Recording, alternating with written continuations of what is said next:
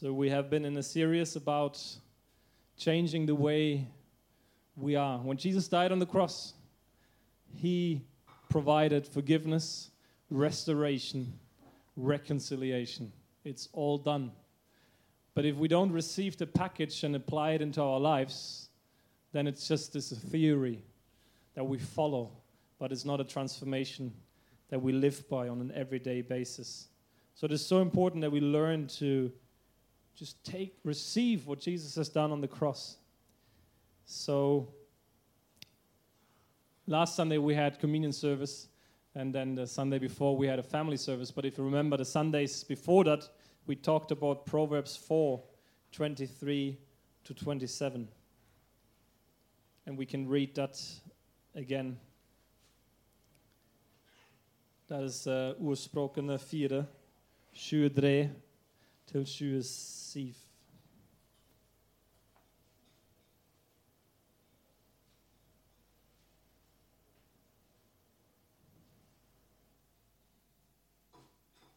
That's old.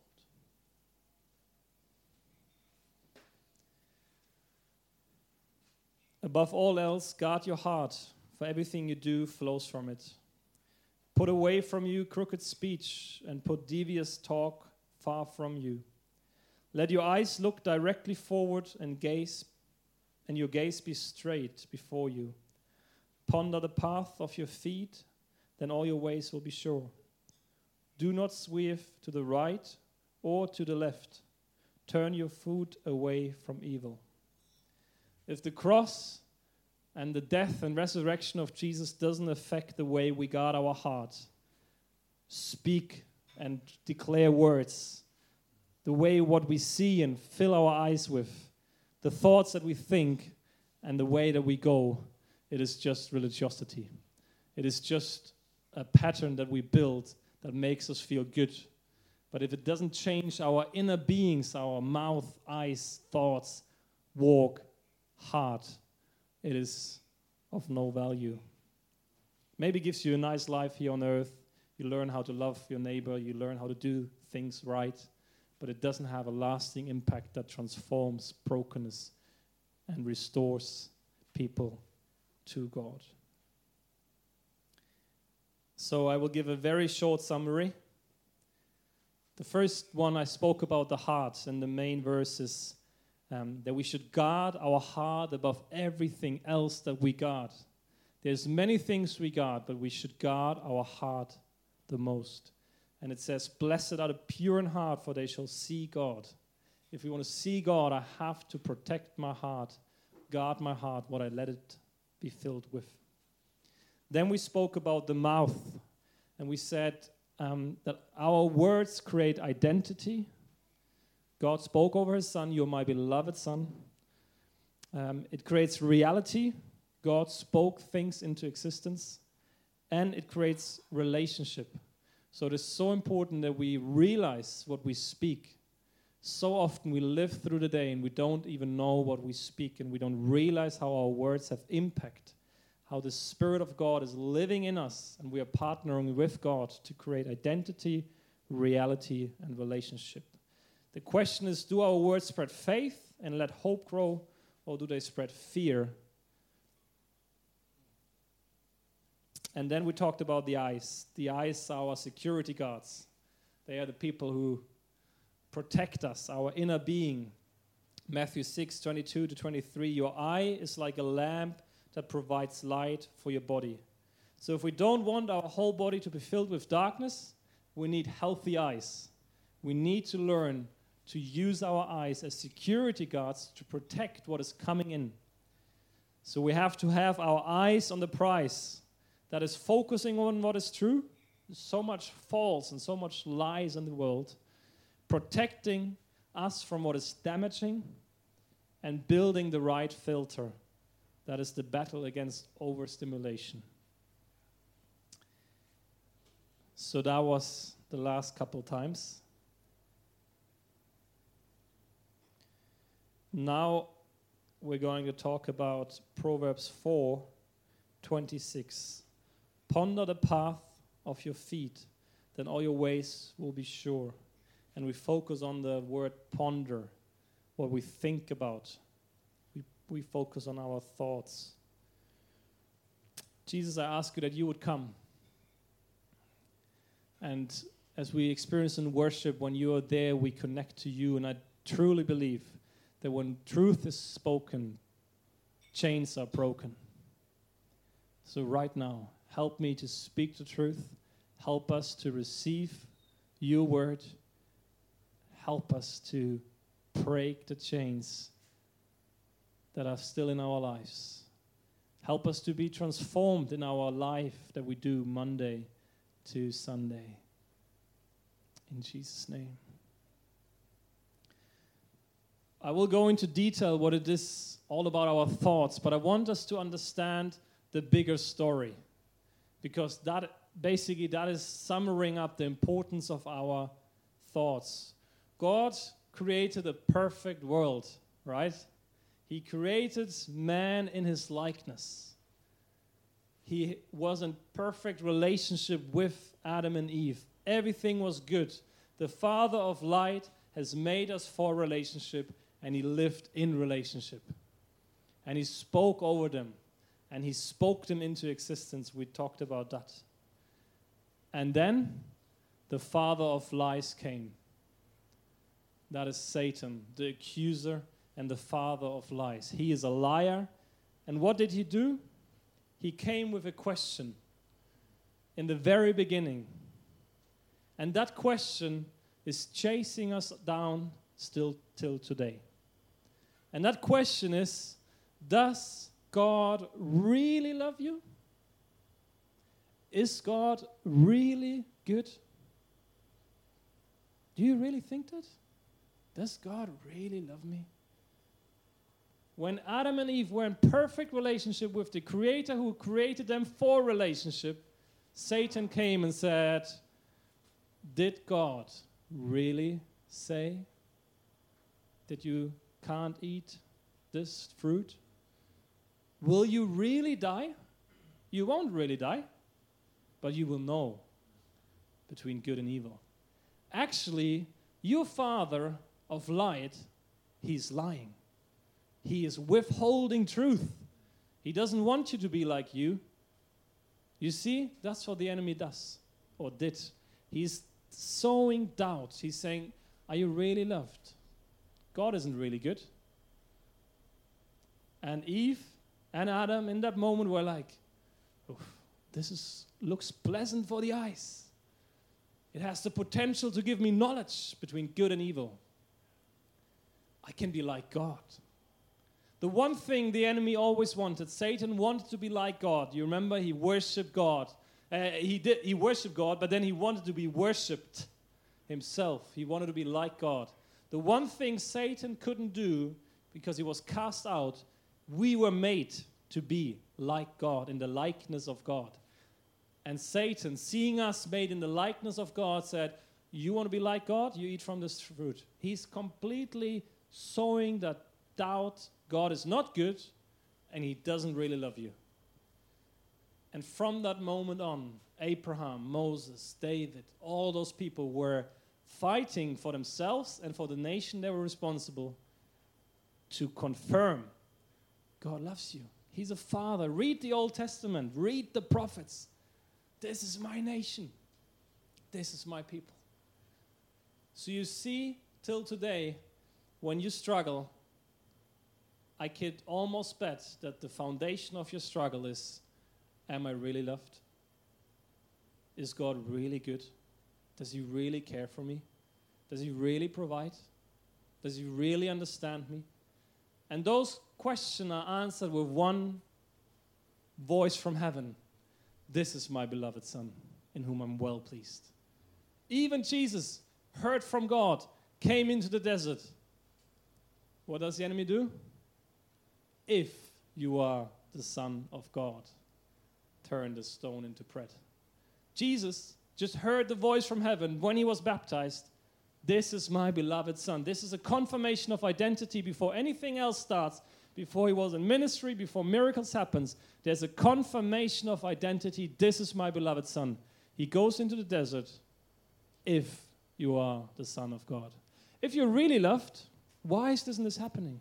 If you're really loved, why don't you experience the breakthrough? Our answer is either, Am I really loved? Or, I don't know why this is not happening, but I know one thing I am loved.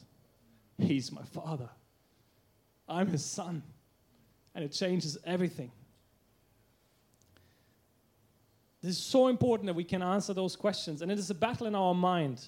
It's a truth in our identity, but the truth in our identity is alternated, is changed by our thoughts.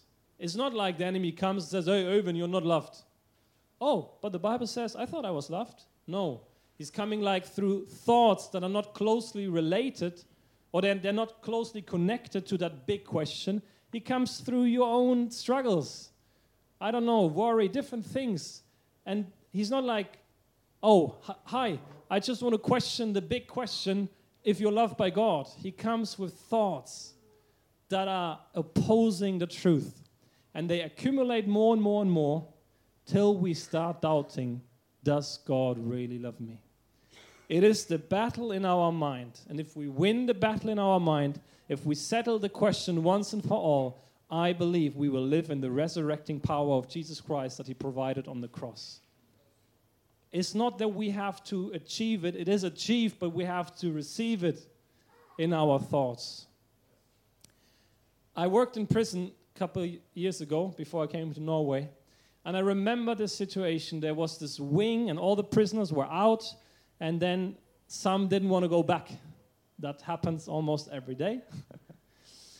and there was three stores, and there's a netting, a net between the three stories so they don't jump down and kill themselves.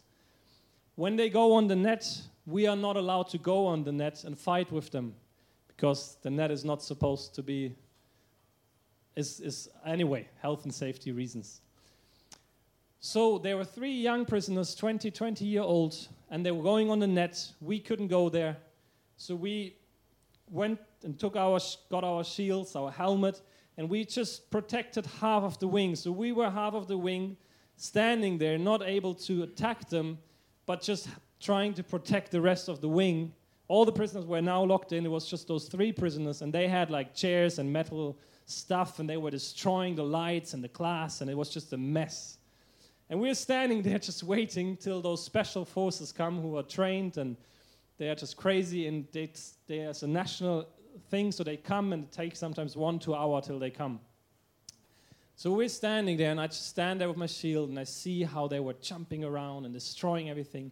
And I see this young boy in his eyes and all I see is a cry. Am I seen? Am I loved? And I could see how that is now just my feeling that might be wrong, but I could almost, I was certainly say that he never had a father who said to him, I love you, my son. You're valuable. And I could see how, in what he was doing, just going crazy and what, doing what he was doing, he was just crying out for, Am I loved? Am I seen? And I just stood there and I was like, I was so sad for that guy. I wanted to just get rid of my shield and my helmet, run to him, give him a hug, and say, I love you, my son. You're valuable. You don't have to do this. If I would have done that, I would probably be dead or badly injured. So I didn't do it. But in my heart, I was like, doing it. Anyway, that was a very obvious cry for love, and it was. Um, it came out in a very unwise, immature way. But sometimes we are like that guy, jumping on the netting, destroying stuff. Maybe not literally, but in the ways we talk, in the ways we show pridefulness, in the ways we try to be successful, to be seen, to be loved, in the ways we try to work hard, in the ways we try to look nice. And I don't know, just put in what is your struggle. What we do is the same like that prisoners, just in a more mature social way. Hello, am I seen? Am I loved? Am I enough? And God is saying, Why do you do this? Just stop it. This is ridiculous. Like when I saw this guy, I'm like, This is ridiculous. the nationals will come, You will weep and cry and you will go into your cell. And that's what happened. The nationals came and they were like, I surrender, I surrender. And they went into their cell. And it was all for nothing, just for the cry of being seen and being loved. Our thoughts matter because the battle is in our mind. Proverbs 23 7. We can open there if you want. That's the key verse for today. Us, ja, ordspråkene 23, 7.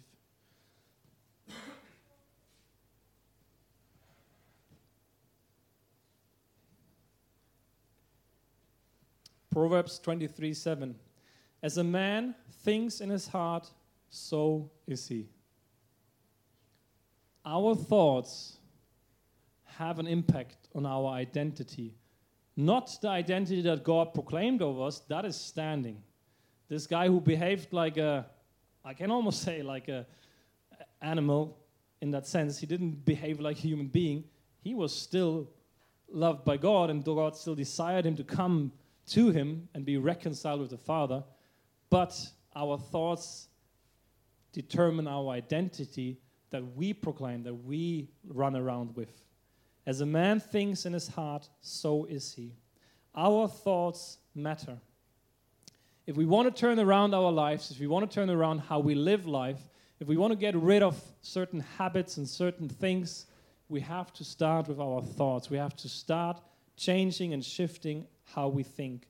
Our thoughts they equal our inner life. And our inner life and our inner life reflect our thought process. Our thoughts is like our inner life, what's happening here, that is our thoughts. And our inner life, they reflect who we what we do, how we live every day. Our inner life matters. It's not just how we behave outwardly, but also inwardly. We can clearly read that in Matthew 5. Um, I will just sum it up. But Matthew 5 is this Sermon on the Mount where Jesus is saying, if you, if the old covenant said you should not kill, I tell you, if you have evil thoughts in your mind, you have already basically killed your brother. The old covenant said you shouldn't lust after a woman, I tell you, if you have lust, no, the old covenant said you shouldn't um, sleep with a woman, you shouldn't commit adultery. I tell you, if you have thoughts of lust in your mind, you have already committed adultery. So, the Old Testament, we talked about it on Tuesday, was trying to manage our outward behaving because it couldn't deal with our heart, because our heart was broken. Jesus hasn't died yet. So the old covenant tries to deal with our outward lifestyle. Don't kill, don't commit adultery, don't do this.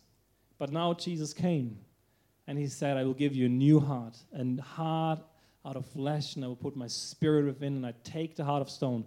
Suddenly, we have a solution for our broken heart.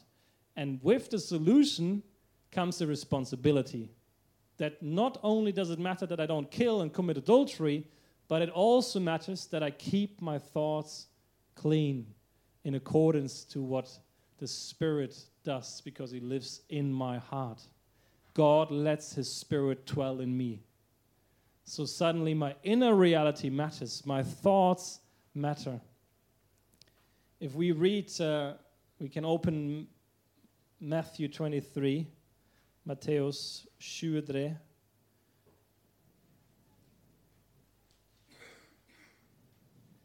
there's a very clear rebuke from Jesus about exactly that topic of inner reality versus outer reality.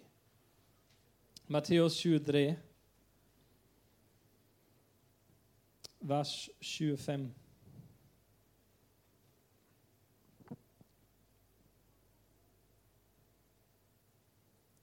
Matteus 23, vers 25. Matthew 23, 25. So Jesus is speaking Woe to you, scribes and Pharisees, hypocrites! For you clean the outside of the cup and the plate, but inside they are full of greed and self indulgence. You blind Pharisee, first clean the inside of the cup and the plate, that the outside also may be clean. Woe to you, scribes and Pharisees, hypocrites, for you're like whitewashed tombs, with outwardly appear, which outwardly appear beautiful, but within are full of dead people's bones and are all unclean. Jesus compares the Pharisees to a tomb, right? A grave. That is outwardly we, we, vi pynter de opp ikke sant? med blomster og forskjellige ting. We, now I don't even know the English, we dress them up, we make them nice. Pynte de opp? Decorate them. we decorate them, make them nice, but in is just dead bones. It's death, it's nothing, it's, the spirit is gone, it's just dead bones. He says, You are like that. That is a strong accusation. And it's so easy to say, oh, yeah, the Pharisees were like that. Yeah, yeah, yeah, they were like crazy religious people. But maybe Jesus sometimes has to say that to us. Oh, you worship with your arms lifted. Maybe he says it to me. You worship with your arms lifted. You even sing the songs. It looks all so nice. But in your heart, you have pride. In your heart, you're worried.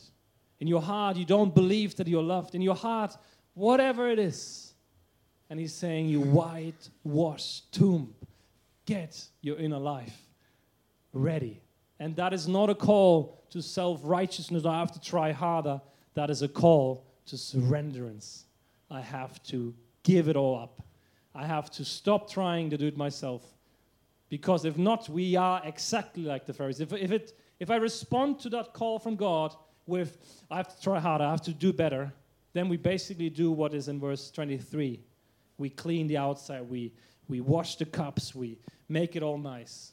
Imagine you would come to the coffee shop and I would have this nice cup, it's glam, it's shining, it's, it's perfect, it's sparkling from the outside. And then I would put it on the counter and you look just inside and there's this moldy, dirty soup on the bottom. And then I make this nice coffee and I'm like pouring it in, and you're like, wait, wait, wait, wait, wait.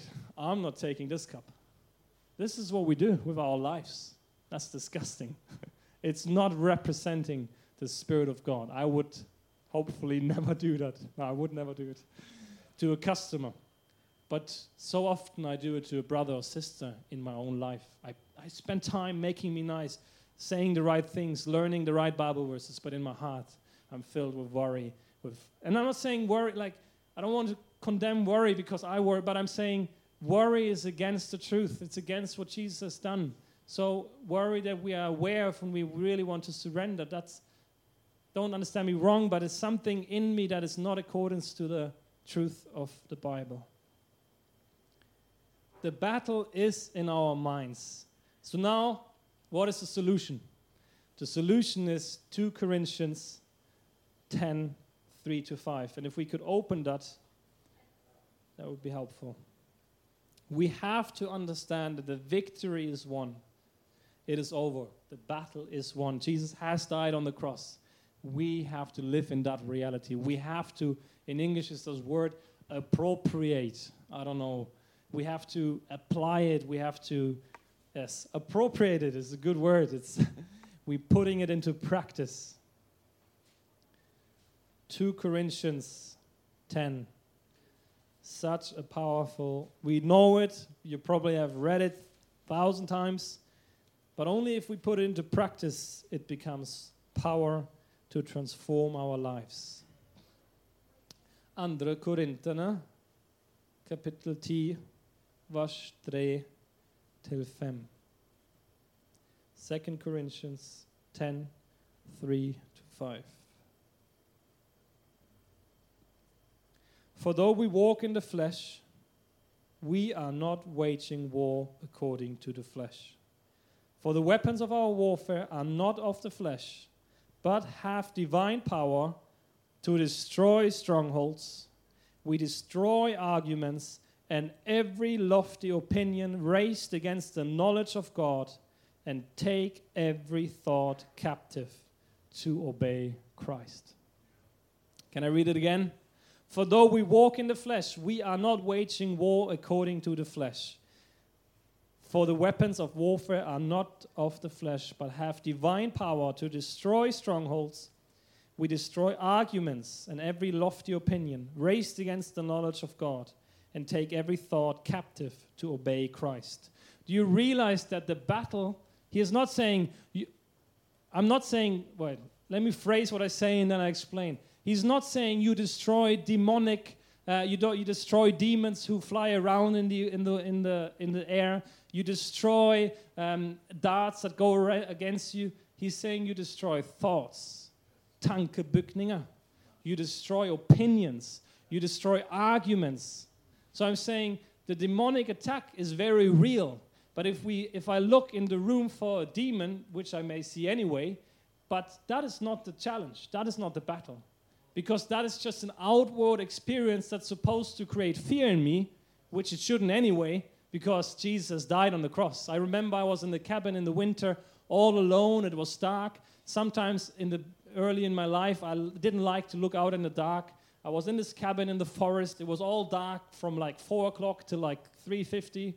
I was like light for 10 minutes. It felt like, and I was sitting there, and you have the sofa, and there's this big opening, and I was like, should I sit like this and watch, look to the wall, so just I feel a bit more comfortable? And I was like, no, I sit there I just look out. And I was like, what am I afraid? Am I afraid to see a demon? Even if now the crazy demonic experience comes, it doesn't matter. I'm dead. I have died. Jesus has died. Moreover, he has raised. So the demonic thing is just there to make you afraid. But the danger is what he releases. And that is thoughts, arguments, things that raise itself up against the truth. And that goes into your mind. And that changes your faith into fear. And that gives entrance to Satan because it attacks your identity. That is the danger. The battle is in our mind. But with Christ, we destroy strongholds, we destroy arguments, we destroy lofty opinions raised against the knowledge of God. We take every thought captive to obey Christ. Our thoughts can be compared to a wildfire. If you don't control the wildfire, it will destroy you. If you start controlling the fire, it can become a bonfire. You know, bonfire like a, what's it called, a bolle? Huh? Yeah, yeah. It becomes this nice fire you can sit around. So the fire, either in the forest, becomes a wildfire that destroys you and probably the people around you if you don't control it. Or you start controlling it and it becomes a nice atmosphere. Someone picks up a guitar and it's very nice. Our thoughts are not neutral. Either you control them, bring them into the obedience of Christ, or they control you and they will drive you mad. And they do drive the society mad. I think the biggest problem we face is mental issues, mental health issues, depression, anxiety. Because if we don't start taking our authority in Christ, our thoughts will take authority over us.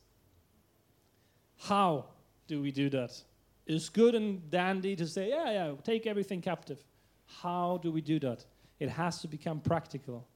And that is the second important scripture. And we all, again, we know it all, is knowledge, but it has to become gnosis. We talked about that. That's knowledge that just puffs up, or it's just accumulated gnosis, uh, knowledge. Epignosis is a Greek word, is experienced knowledge. Things that I, I got it. So let's read Romans 12 and hope it will become epignosis. Romans 12, Romane 12, vers 1.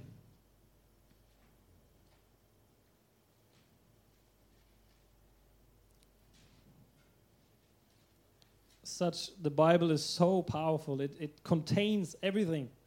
If we if we eat it, like was it uh, who is Isaiah had to eat the scroll or who was it? One of the prophets. God said, "Eat the scroll," and then he was eating it. At least that's what it says. We have to take it in. so you know what you have for lunch today. take no. Romans 12 into 2. I appeal to you, therefore, brothers, by the mercies of God, to present your bodies as a living sacrifice, holy and acceptable to God, which is your spiritual worship. Do not be conformed to this world, but be transformed by the renewal of your mind, that by testing you may discern what is the will of God, what is good and acceptable and perfect. We have to renew our mind. And that is an everyday practice because the world is trying to renew our mind through everyday input of information as well. First thing, how do we renew our mind?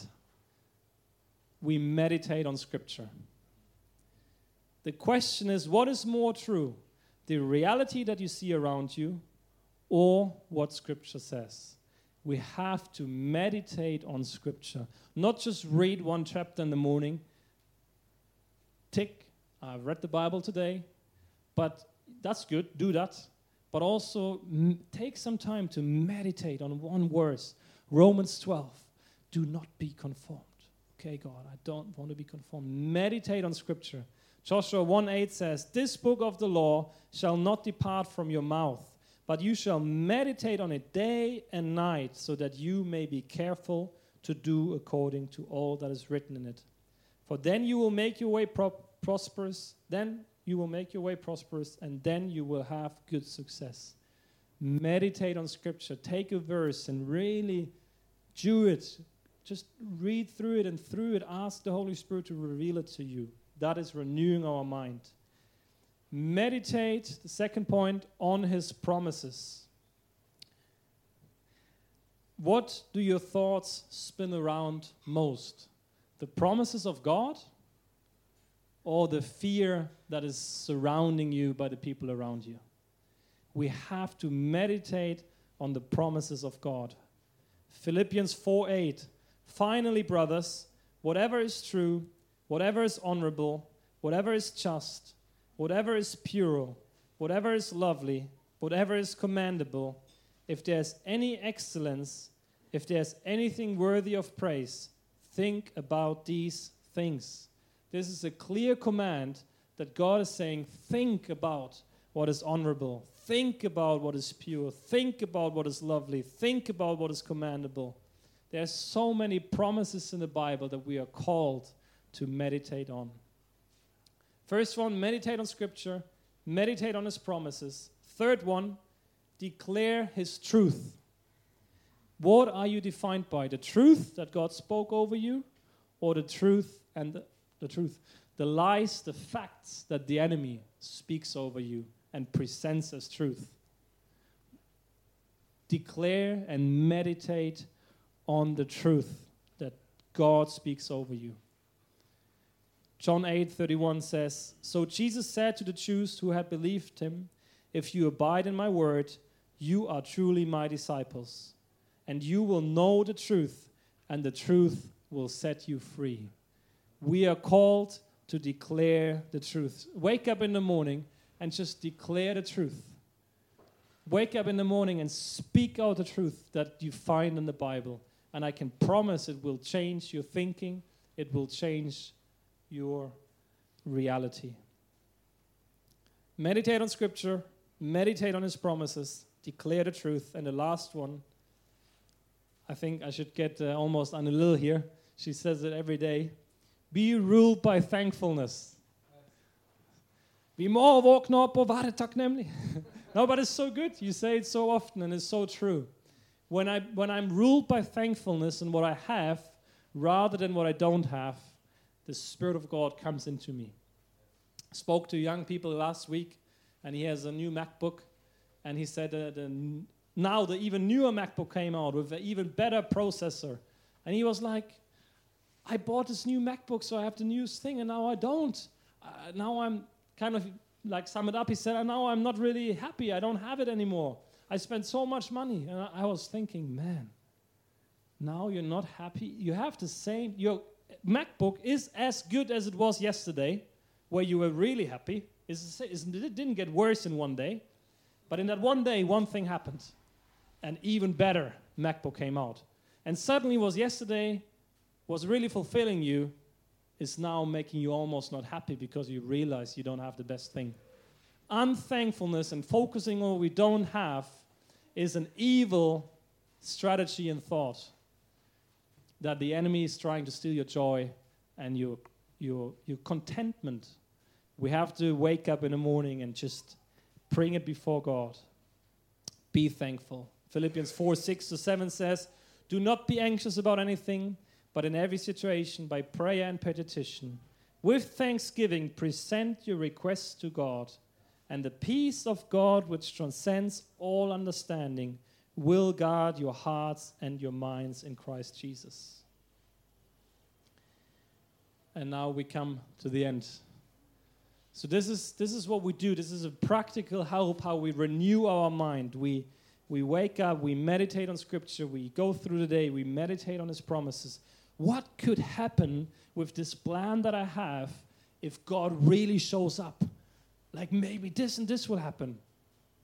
How often do we do the opposite? I have a plan, I want to do something, and I'm like, man, this doesn't work, I will probably lose my job and I will probably be bankrupt and, and, and probably everyone will laugh about me. Like, how often do we go around imagining worst case scenario with the dreams and plans that we have? But wake up in the morning and, man, what could happen if God blesses what I do because I am connected to Him and He loves what I do? What could potentially happen with this farm? What, I don't know, where, put your own life into the, into the space. What could happen with the hotel?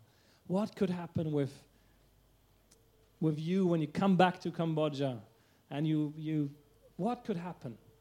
Meditating on his promises, declaring the truth, and fourth, being ruled by thankfulness. So, I will end with a question. The battle is in our mind. The thoughts that the enemy places will try to steal your identity, which takes your power. So you have to ask yourself what practically is the biggest stronghold in your life? I think we all have a stronghold. We all have a key thing that every struggle and challenge we have is kind of tied to. Because that stronghold that is in your life is an open door for the enemy to accuse you and come in, even though all accusation has been dealt with on the cross.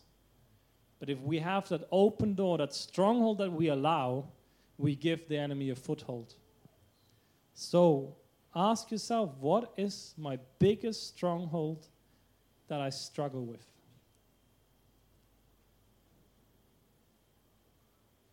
And you can do that now, but you can also continue today. Maybe you want to write that question down, or you want to put it in your mind. What is the biggest stronghold in my life? And then name the truth that demolishes that stronghold. Name the truth of Scripture, of God, that just demolishes it. I have something that's called restoring the foundation, and one thing of restoring the foundation is ungodly beliefs, godly beliefs. And in that process, you identify ungodly beliefs and you form godly beliefs that every morning you proclaim this godly belief. That's basically what it's doing. You identify a stronghold and then you name the truth that demolishes it. For example, my biggest stronghold, I would say, is that I very often feel I'm not enough. I'm not sufficient. I don't fulfill the expectations of people around me. I, which makes me then be a slave of people. It makes me, it steals my joy. That is a stronghold. That is something that tries to bind me. That I'm always thinking, is he now disappointed with me? I, or when I come and maybe I'm preaching, I, I'm not enough. I don't have it in me. That is a lie of the enemy. So, what is the truth? The truth is, I am not enough, but He is enough. I don't have to be sufficient, but He is sufficient. I don't have to fill your expectation that you may have towards me, because He is the one that has to fulfill all our needs. And suddenly I declared it over me, and I'm like, wow, I'm so free. I'm so free to offend you Not that I do it intentionally. Sometimes, a little bit. No. Not that I do it intentionally, but I'm okay. I can't, I'm, I'm, I'm not perfect and I don't have to be. And if I offend you, then I have to trust God that He is sufficient. He, he, he is the one who's enough. And I can come in humility and say, I'm sorry I offended you when you tell me. But it sets me free so much. And when I wake up in the morning, I'm like, man, I'm just, I'm, I'm not, I don't have it in me. I'm not enough.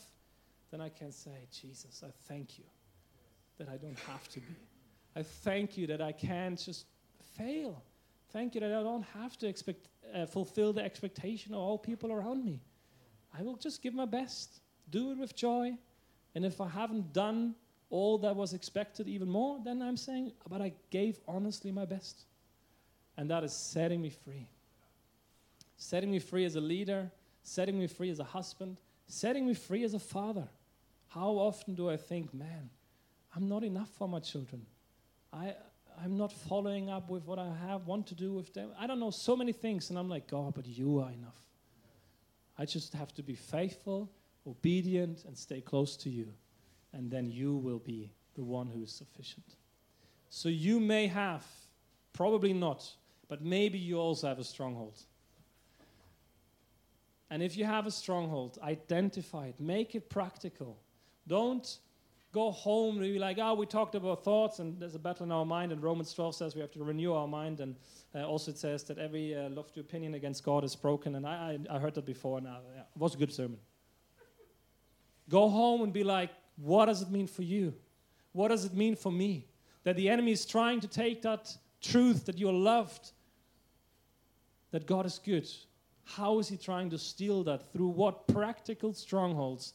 Identify them name them, and more important, name the truth that it demolishes it, and start living a life where you battle the thoughts of the enemy in your mind and say, I will not let my inner life be ruled by the lies of the enemy, but I will be ruled by the truth of God. That is it. So, Jesus, I ask you, you see that there's so many things in our in our mind. You see the battle that we are fighting. You see that many of us have grown up in Christian life for the last couple of years and we get so routined in quoting scripture. Help us to put the supernatural life of Jesus Christ that you, Jesus, provided on the cross when you died and rose up again into practice. Help us to be living life intentionally enough that we care about identifying the lies of the enemy in our lives and attack them, tackle them through the power of Christ that you have given us, which is the truth that we find when we are connected to you. I ask you for us as a church that this series about guarding and protecting our inner garden will not just be another piece of information, but it will actually transform our lives. That we will be a community of people who live healthy lives, not so we can present ourselves, but so we can receive the broken, receive the hurt, and embrace them and show who you are. Holy Spirit, would you come right now? Maybe take some time now and ask the Holy Spirit, what is the stronghold? Sometimes you have obvious lies that you fight with, but sometimes they form a principle that you can identify. Think about and ask the Holy Spirit to reveal it to you, and then, moreover, what is the truth? I had a lie once that was saying, if I don't, it's kind of connected to what I shared now, but if I don't do work enough, He won't bless me. I don't struggle with that at all anymore because I realized and I proclaim the truth that He blesses me because He loves me. Because He loves me. There's so many lies in our lives. Holy Spirit, would you reveal them right now?